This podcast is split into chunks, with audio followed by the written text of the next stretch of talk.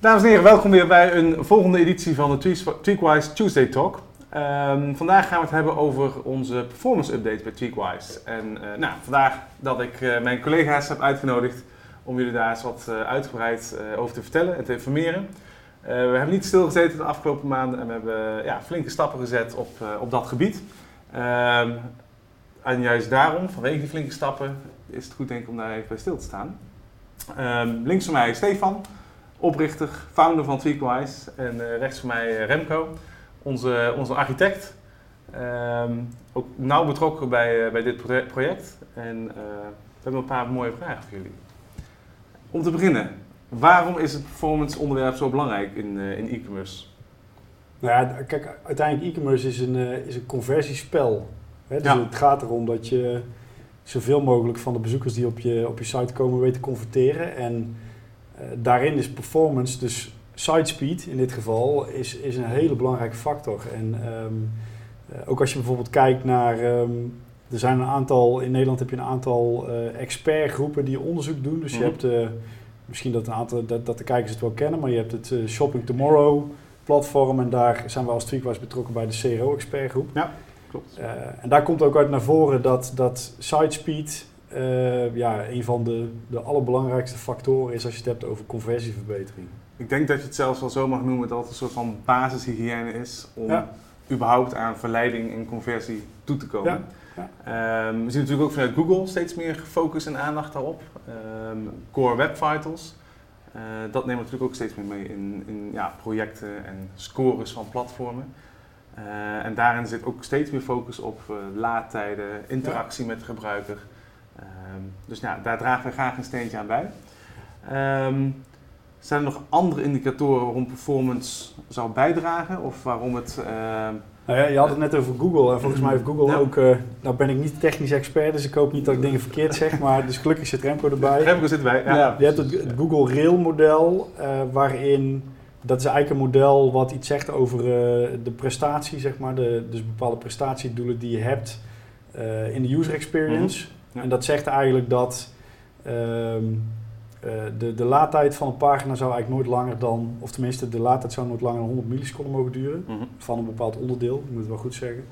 En daarvoor doen we nu dus ook aan. Dus dat betekent ja. eigenlijk dat het, je ervaart dat eigenlijk niet eens als gebruiker. Dus het is uh, je kunt zeg maar zeggen van het, het, is net alsof je met je ogen knippert, zeg maar. Dat is een, dus beetje... een soort van uh, seamless ervaring, ja. zeg maar. Geen ja. wachttijden meer of geen hinderlijke ja. obstakels, drempels, maar een hele prettige ja, gebruikersinteractie. Ja, en dat is dus een heel belangrijke graadmeter waar je naar kijkt en daar, daar nou, dat is wel cool dat we daar dus aan voldoen nu. Ja.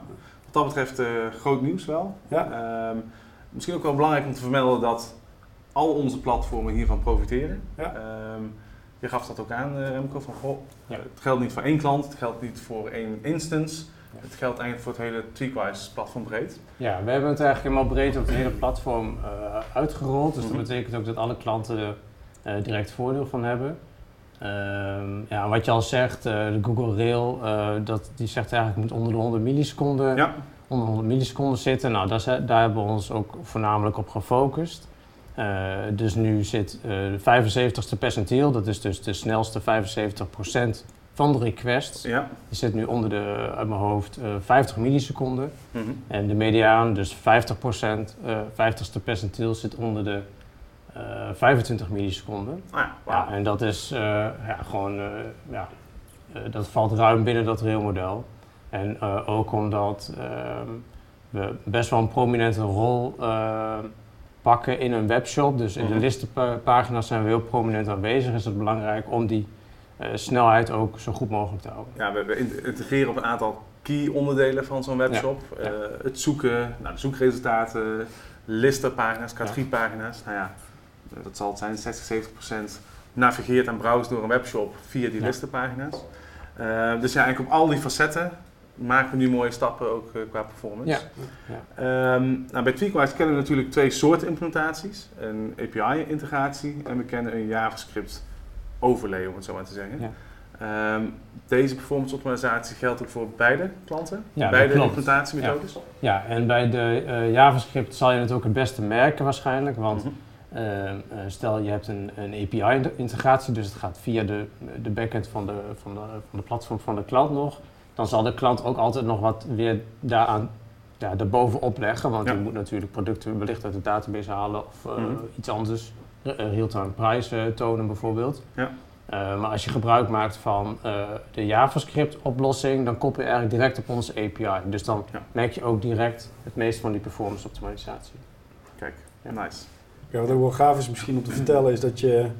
Kijk, voor deze optimalisatie ehm, was de performance al best wel oké. Mhm. Maar je ziet nu dat het, er zijn eh, klanten waar het tot acht keer sneller is geworden. Dus dat is echt bizar, zeg maar, hoeveel... Kun je dat nog even herhalen, Stefan? Ja, tot, tot acht keer sneller. Kijk zelf. Ja, dat, dat is mooi toch? Ja. Ehm, dus dat is ook op het moment dat we dit live zetten, eh, heel veel klanten zijn daar ook, je merkt dat. Dus we werden er ook heel erg over benaderd eh, door, door de klanten zelf, dat ze in één keer merken dat het Ja. nog zoveel sneller is geworden. En ehm, eh, uiteindelijk is het nu ook, denk ik, zo dat wij gewoon, ehm, zeg maar, met, met de, eh, we zijn on par met de, hoe zeg je dat, de koplopers op dit niveau gewoon eh, in, onze, in onze markt. En we doen, we doen mee in de, in de Champions League. Ja. als het ware. Ja, Ja. misschien, ja, misschien mag je dat wel zeggen. En, eh, Ja.